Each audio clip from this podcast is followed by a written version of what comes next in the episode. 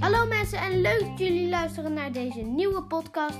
Mijn naam is Nathan en we gaan het hebben over games.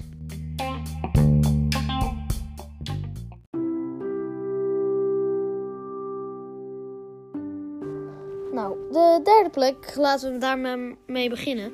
Van best verkochte spelcomputers ooit.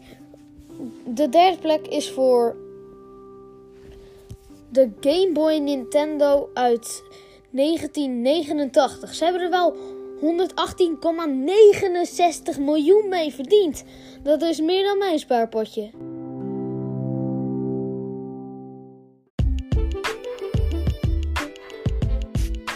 tweede, en dan op de tweede plek de Nintendo DS uit 2004. Daar hebben mensen wel heel veel geld uh, aan uh, uitgegeven. Ze hebben in totaal 153,98 miljoen daarmee verkocht. Dat is heel veel.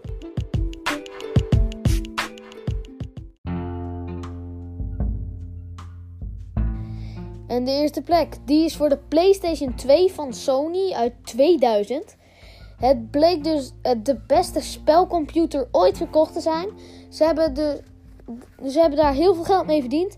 Het blijkt wel te zijn dat ze meer dan 155 miljoen hebben verdiend ermee.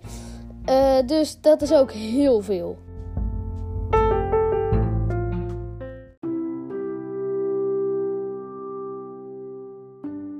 Nou, dat was het alweer helaas.